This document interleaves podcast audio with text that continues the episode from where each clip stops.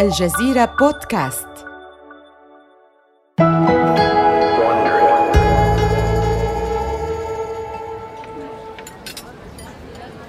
إنه شهر يونيو عام 1978 داخل القنصلية البريطانية بالعاصمة الأمريكية واشنطن يحبك تيكس بوليان رئيس المبيعات بشركة بوينغ ضربة لإيرباص تكلفها أكثر من مليار دولار.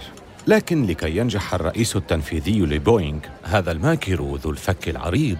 عليه أن يقنع الشخص الجالس أمامه على مائدة الإفطار رئيس الوزراء البريطاني جيمس كالهان. كالهان شخص وعر صعب المراس ودائم العبوس. سيد بوليان من فضلك نادني تيكس لا داعي للتكلف. سيد بوليان. هذا العرض لتكليف شركة British Aerospace بصنع أجنحة طائرة بوينغ القادمة. هل أنت جاد حقا؟ البعض يشكك في هذا. تتسع عينا بوليان من الدهشة.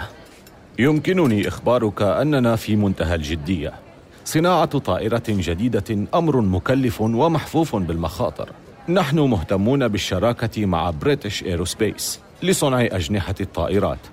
وهذا يمنح بريطانيا دورا محوريا في إنتاج طائرة بوينغ 767 لكن كالهان يعلم أن هناك المزيد وراء هذا العرض. لماذا تريد بوينغ شراكة British Aerospace والتي تصنع بالفعل أجنحة الطائرات لإيرباص؟ بالطبع تعد بوينغ باستثمار مليار دولار في بريطانيا وهذا أمر مغر لكن إذا قبل كالهان هذا العرض فإن علاقات بريطانيا مع فرنسا وألمانيا الغربية ستتضرر كثيراً. ولن تكون الشركة البريطانية سعيدة هي الأخرى. إنها تريد أن تعيد شراكتها مع إيرباص. سيد بوليان أن British Aerospace أكبر من مجرد خط إنتاج. يجب أن يكون لها دور في عملية بيع طائرة 767 أيضاً. سيدي رئيس الوزراء لدى بوينغ أكفأ فريق تسويق طائرات في العالم.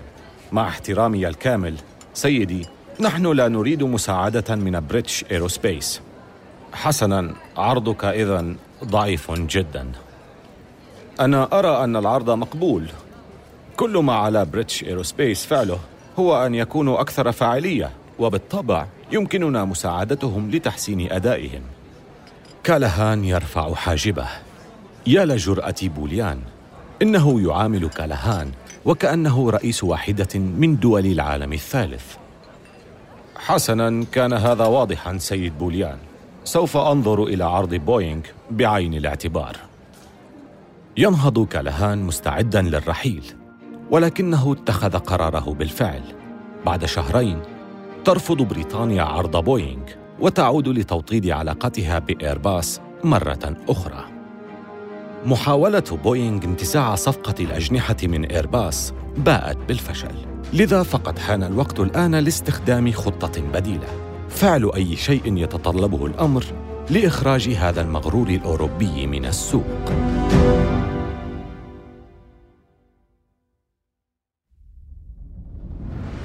من الجزيرة بودكاست بالتعاون مع وونري. هذا بودكاست حروب الأعمال.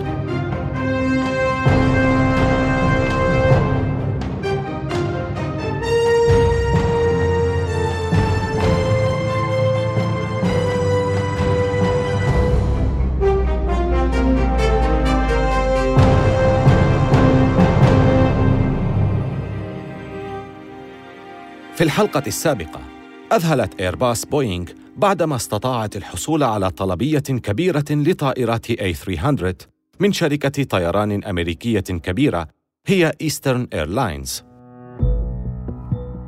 الآن تريد إيرباص تنويع طرازاتها. بدأت الشركة بناء طائرة جديدة من طراز A310 وستكون أصغر من طراز A300 ستباع هذه الطائرة لشركات الطيران التي لا تحتاج رحلاتها لطائرات بحجم A300 ترتفع إيرباص يوما بعد آخر وستبذل بوينغ قصارى جهدها لدفعها للهبوط إلى الأرض. هذه هي الحلقة الثالثة قراصنة الجو. إنه شهر ديسمبر عام 1979 مدير مبيعات بوينغ تكس بوليان يخطو داخل المقر الرئيسي لشركة Trans World إحدى شركات الطيران الأمريكية والمعروفة اختصاراً TWA موظفة استقبال بنظارات مستديرة سميكة تنظر إليه. مساء الخير سيدي. أهلا بك في شركة Trans World للطيران. أنا هنا لرؤية السيد كارل ماير. تتحير موظفة الاستقبال. دائما ما يتم إبلاغها حين يكون مدير الشركة على موعد مع أحد. هل عندك موعد معه يا سيدي؟ لا فقط أخبريه أن تكس بوليان هنا وهو سيتفهم الأمر. بعد عشر دقائق يدخل بوليان مكتب ماير. يقف رئيس TWA الأصلع ليرحب به. سعيد لرؤيتك يا تاكس تفضل بالجلوس من فضلك. ما الذي يمكنني أن أقدمه لك؟ أنا هنا لأعترض تلك الصفقة التي ستقوم بتوقيعها مع إيرباص. تختفي ابتسامة ماير. أه حسنا تاكس لقد أنهينا هذه الصفقة بالفعل. سيقوم مجلس إدارة الشركة بتوقيع العقد نهاية هذا الأسبوع. إذا فهم لم يوقعوه بعد. حسنا الصفقة لا تتم حتى يصدق عليها مجلس الإدارة. أليس كذلك؟ أريدك فقط أن تسمع ما لدي. يتململ ماير في مقعده. غير مستريح لما سمعه من بوليان. شركة ترانس وورلد للطيران على وشك إنفاق 600 مليون دولار على طائرات إيرباص. هذا ليس اتفاقا تصرف نظرك عنه في اللحظة الأخيرة. أه حسنا تيكس سأسمع. لست متأكدا من جدوى ذلك ولكن تفضل. واثقا من نفسه. يريح بوليان ظهره إلى الخلف في مقعده.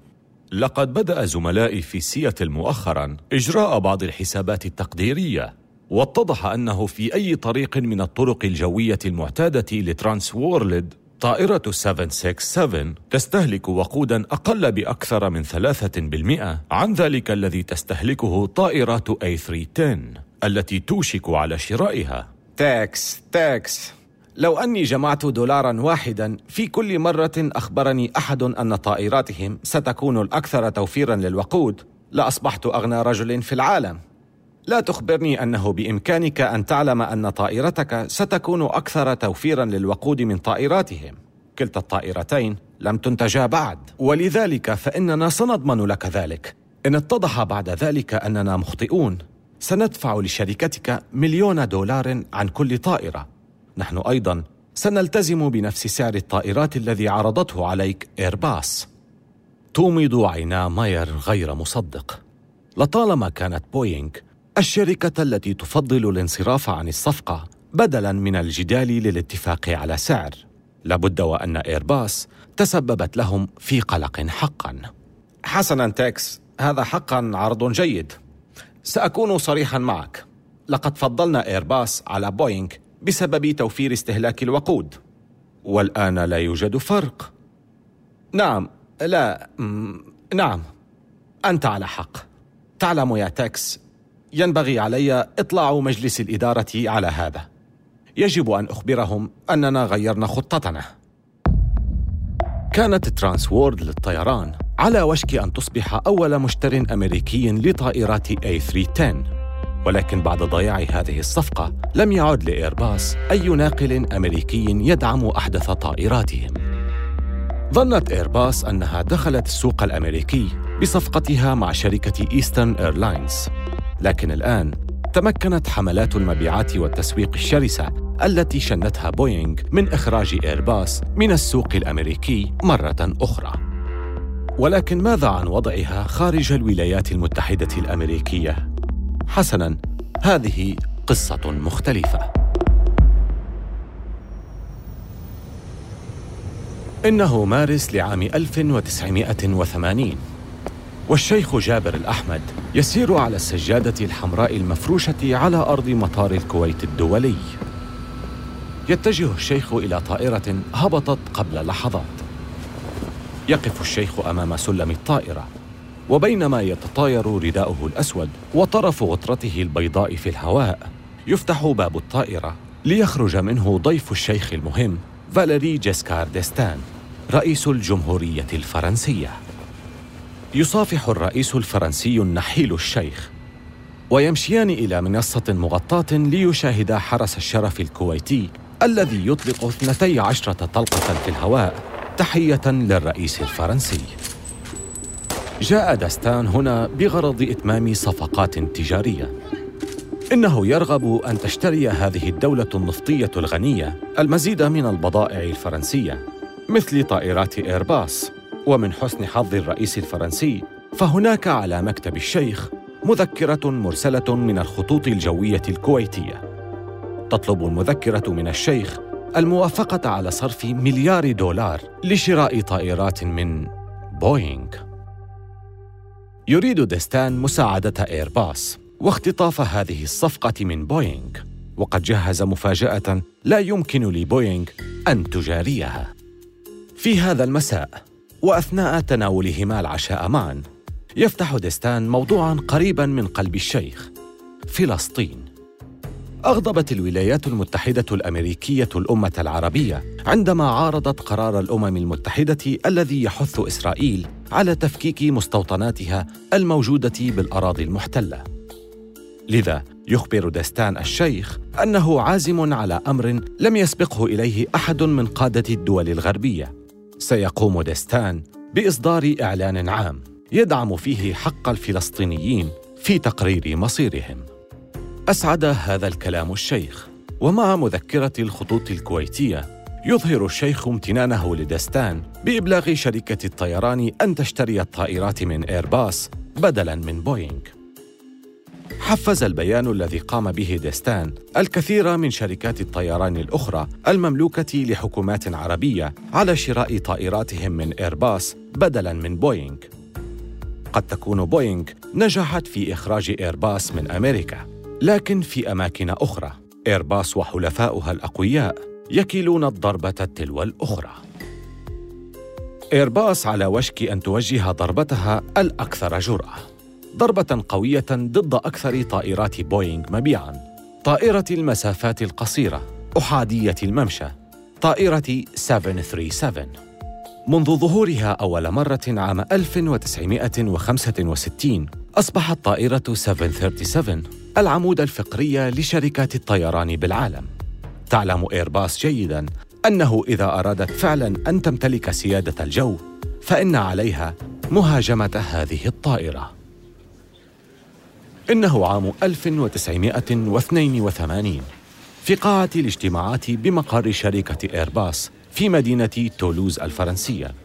كبار مهندسي الشركة يحاولون إظهار مزايا طائراتهم المنافسة لطائرة 737 كل ما قررته إيرباص إلى الآن هو أن الطائرة سيطلق عليها اسم A320 واتفقوا على أن تكون هذه الطائرة أهدأ صوتاً وأكثر توفيراً للوقود من طائرة بوينغ 737 سوى ذلك لا شيء معد بعد. يدون المدير التقني لإيرباص روجي بيتي ملاحظاته. بينما يشير أحد المهندسين إلى المراحيض التي تعمل بالشفط الهوائي.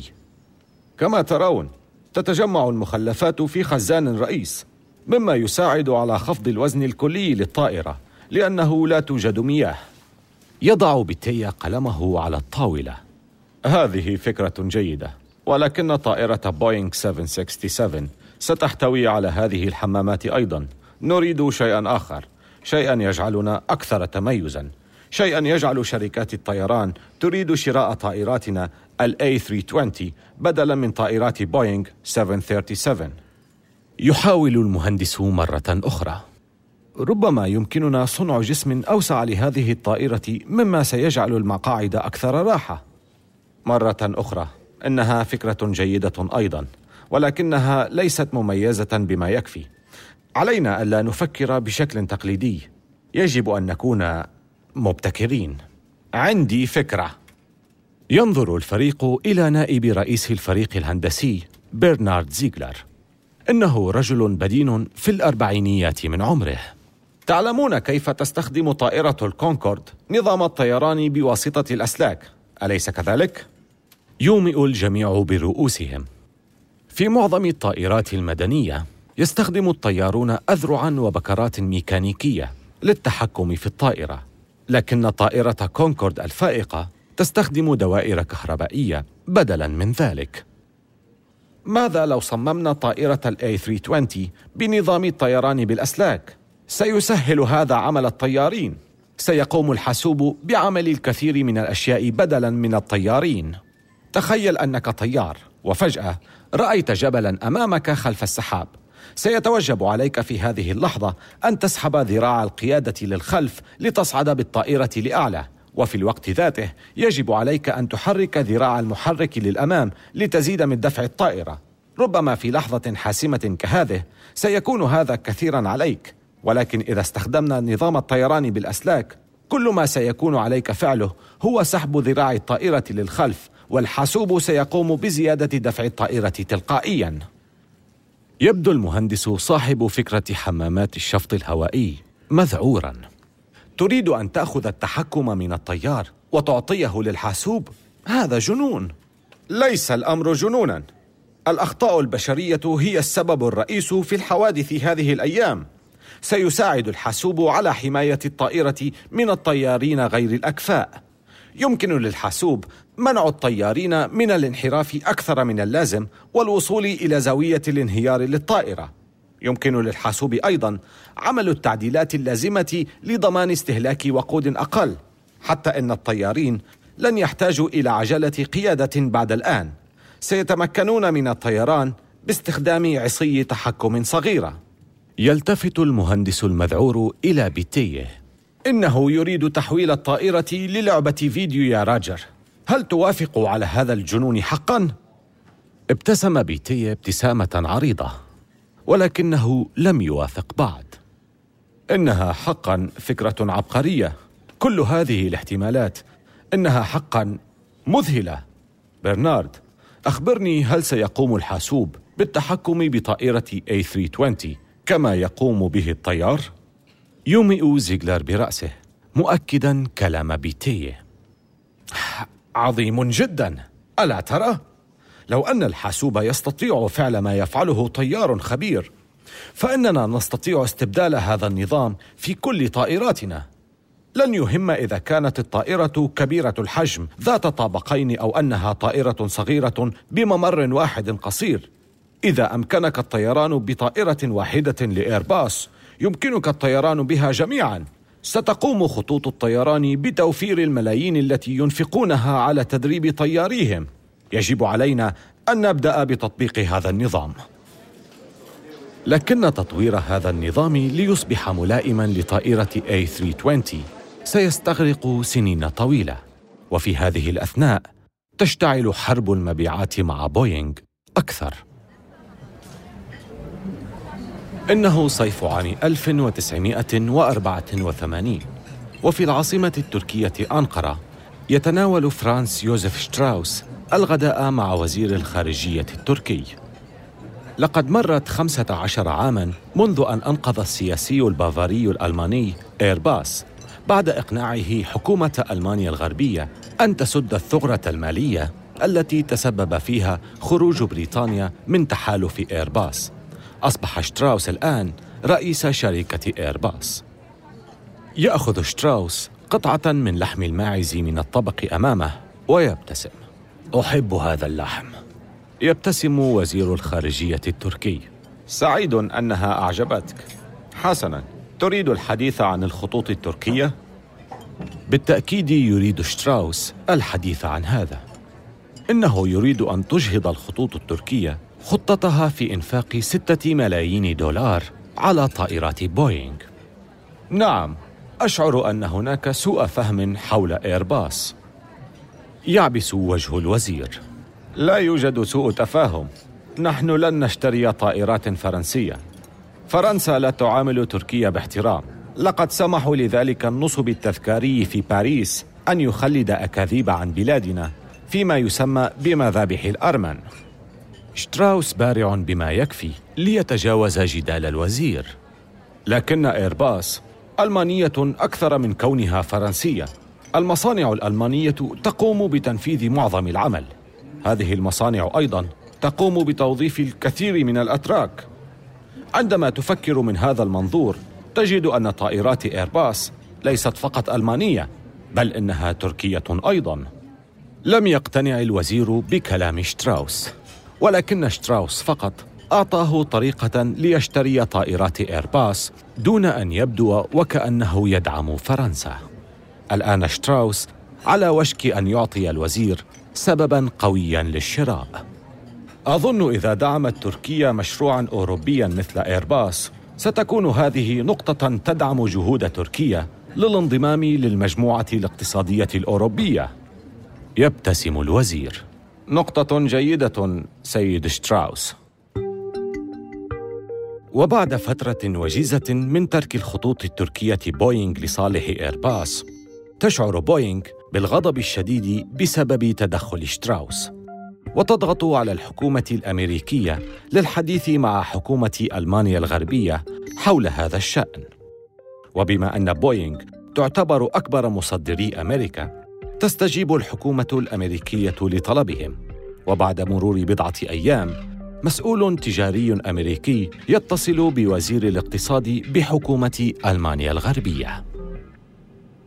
الحكومة الألمانية تتدخل في صفقة بوينغ مع الخطوط التركية وهذا أمر غير مقبول.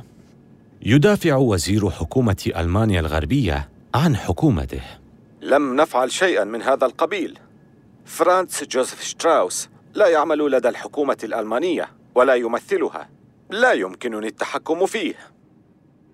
قد يكون شتراوس فعلا ممثلا منتخبا عن ولاية بافاريا في جنوبي ألمانيا ورئيس شركة إيرباص المدعومة جزئيا من ألمانيا الغربية ولكنه بالفعل لا يمثل الحكومة الألمانية. أمريكا لا تملك خيارا الآن غير أن تغض الطرف عن هذه المسألة. لكن واشنطن تضع المزيد من الاهتمام لادعاءات بوينغ بأن إيرباص تهدد صناعة الطيران الأمريكية. ومع دخول A320 على الخط تعلم الإدارة الأمريكية جيداً أن عليها أن تتحرك. أكبر مصدر أمريكي في خطر ولكن لحسن الحظ لدى الحكومة الأمريكية خطة إنقاذ.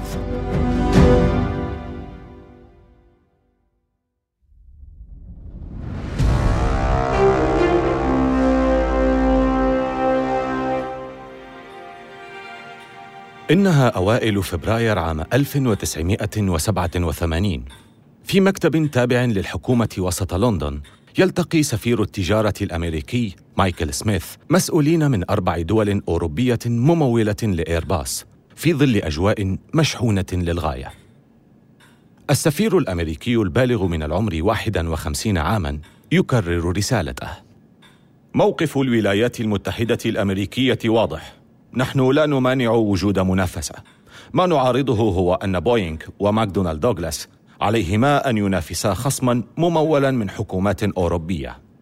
يرد البريطاني الأصلع في بدلته المقلمة. إنه جيفري باتي وزير التجارة البريطاني.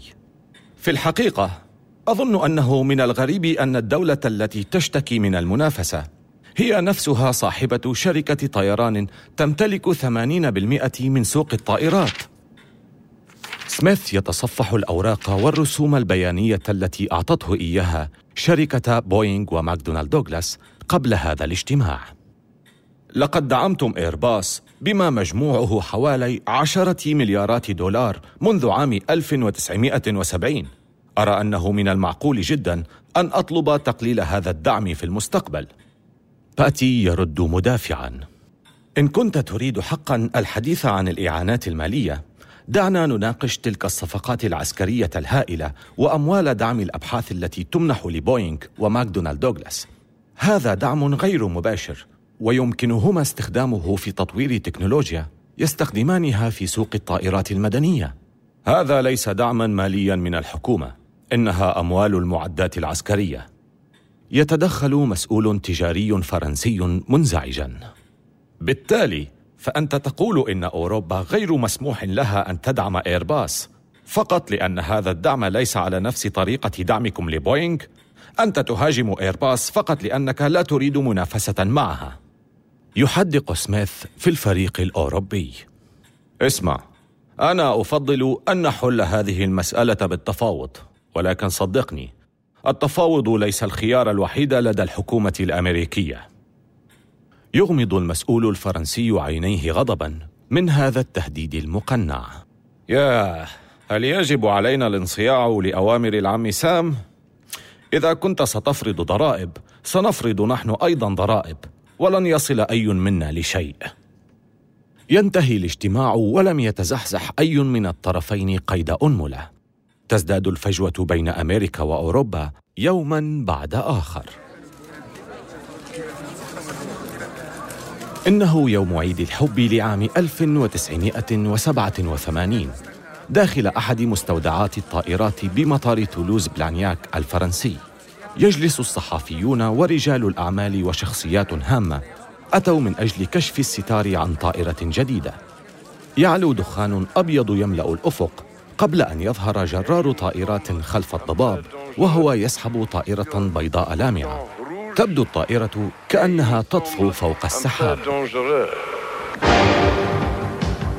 إنها أول طائرة من طراز A320 واليوم هو يوم وصول هذه الطائرة التي أصبحت بالفعل طائرة الركاب الأكثر مبيعاً في أوروبا.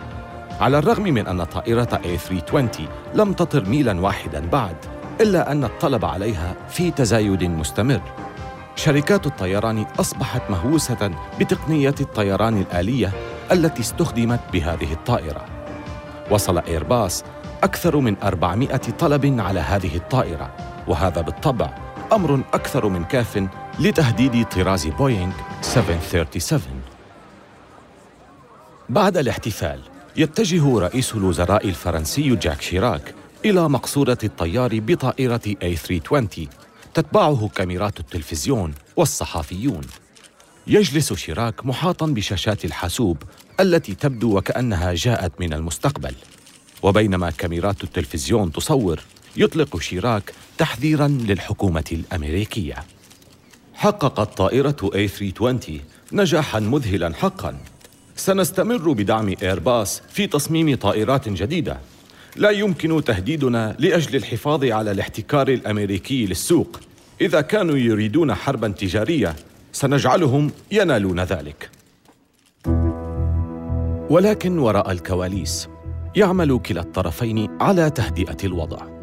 بدأت أمريكا بالتراجع عن تهديداتها بحرب تجارية. وذلك لأنها تعلم جيدا أن مثل هذا الخلاف قد يؤثر بالسلب على مبيعاتها في أوروبا. يوافق الطرفان على طلب توضيح حول قواعد التجارة الدولية التي تنظم الدعم المالي الحكومي لصناعة الطائرات.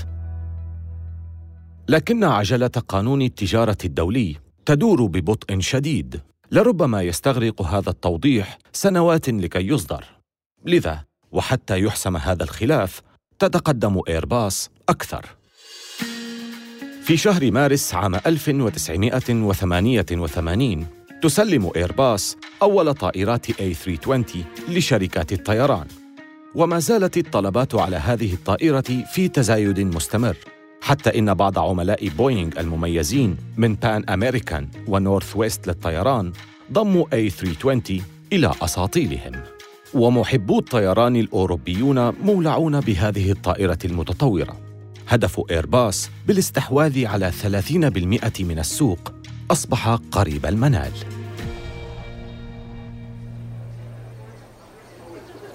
إنه يونيو عام 1988 وعرض مدينة آبزم الجوي مستمر بمطار مولوز القريب من الحدود الفرنسية مع سويسرا وألمانيا الغربية. ينظر آلاف المشاهدين لأعلى حيث تبدأ طائرة A320 بالهبوط. يجلس قائد الطائرة ميشيل آزلين في كرسي القيادة. إنه على وشك أن يبهر الحاضرين وركاب الطائرة البالغ عددهم 136 راكباً عن طريق القيام بحركة بهلوانية بطائرته. يسحب ميشيل ذراع التحكم للخلف ليقوم برفع مقدمة الطائرة للأعلى. في الوقت ذاته يقوم أيضاً بتعطيل جهاز التحكم الآلي بدفع المحرك ومن ثم يقوم بخفض قوة المحرك. يتلهف المشاهدون عند رؤية الطائرة تحلق باتزان على ارتفاع 12 مترا فقط ومقدمتها مرفوعة للأعلى مستعدة للارتفاع إلى السماء. ولكن في مقصورة القيادة الوضع مختلف فمساعد الطيار يشعر بالقلق الشديد. انتبه من أبراج الضغط العالي هذه. هل تراها؟ آه نعم نعم لا تقلق. وبينما الطائرة على وشك الوصول لنهاية مدرج الطائرات يدفع آزلن مقبض الدفع للأمام ليجعل الطائرة تحلق عاليا من جديد. يندفع المحركان لأقصى طاقتهما. تبدأ طائرة A320 بالارتفاع لكن ليس بالسرعة الكافية. ارتطمت مؤخرة الطائرة بالأشجار الموجودة بعد نهاية مدرج الطائرات. اصطدم جناحا الطائرة بالأشجار.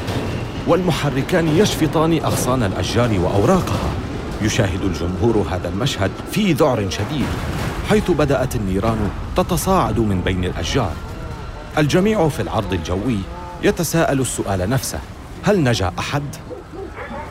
لكن سؤالا آخر يلوح في أفق هذا المشهد الحزين من يجب لومه على هذه الحادثة؟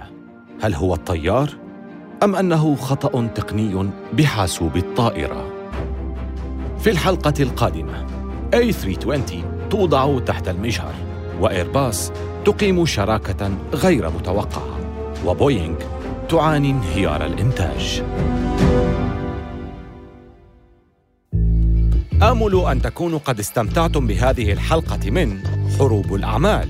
استمعوا إلى حلقاتنا عبر أبل بودكاست وجوجل بودكاست وشاركوها مع أصدقائكم. ولا تنسوا زيارة موقعينا على الإنترنت podcast.aljazeera.net وwandry.com وملاحظة سريعة حول المحادثات التي سردناها. لا يمكننا أن نعرف بالضبط ما قيل ولكن هذا الحوار مبني على أفضل الأبحاث التي قمنا بها. هذه السلسلة من حروب الأعمال. قدمها في نسخة اللغة الإنجليزية ديفيد براون وكتب القصة تريستيان دونوفان. كبيرة المنتجين هي كارين لوي. عملت إيميل فروست على إنتاج هذه الحلقة. وقام كير راندل بالهندسة الصوتية. والمنتجان المنفذان هما جيني بيكمان ومارشيل لوي. أخرج السلسلة هيرنان لوبيز لصالح شبكة ووندري